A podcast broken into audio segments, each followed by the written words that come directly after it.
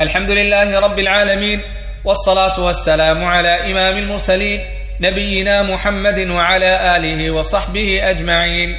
أما بعد فهذه قراءة من كتاب رياض الصالحين للإمام النووي رحمه الله تعالى.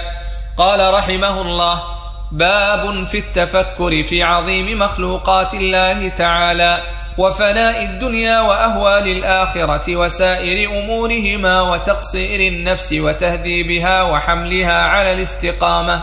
قال الله تعالى إنما أعظكم بواحدة أن تقوموا لله مثنى وفرادا ثم تتفكروا. وقال تعالى إن في خلق السماوات والأرض واختلاف الليل والنهار لآيات لأولي الألباب. الذين يذكرون الله قياما وقعودا وعلى جنوبهم ويتفكرون في خلق السماوات والأرض ربنا ما خلقت هذا باطلا سبحانك.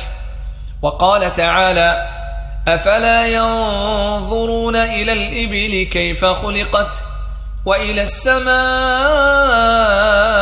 كيف رفعت وإلى الجبال كيف نصبت وإلى الأرض كيف سطحت فذكر إنما أنت مذكر وقال تعالى أفلم يسيروا في الأرض فينظروا والآيات في الباب كثيرة ومن الأحاديث الحديث السابق الكيس من دان نفسه.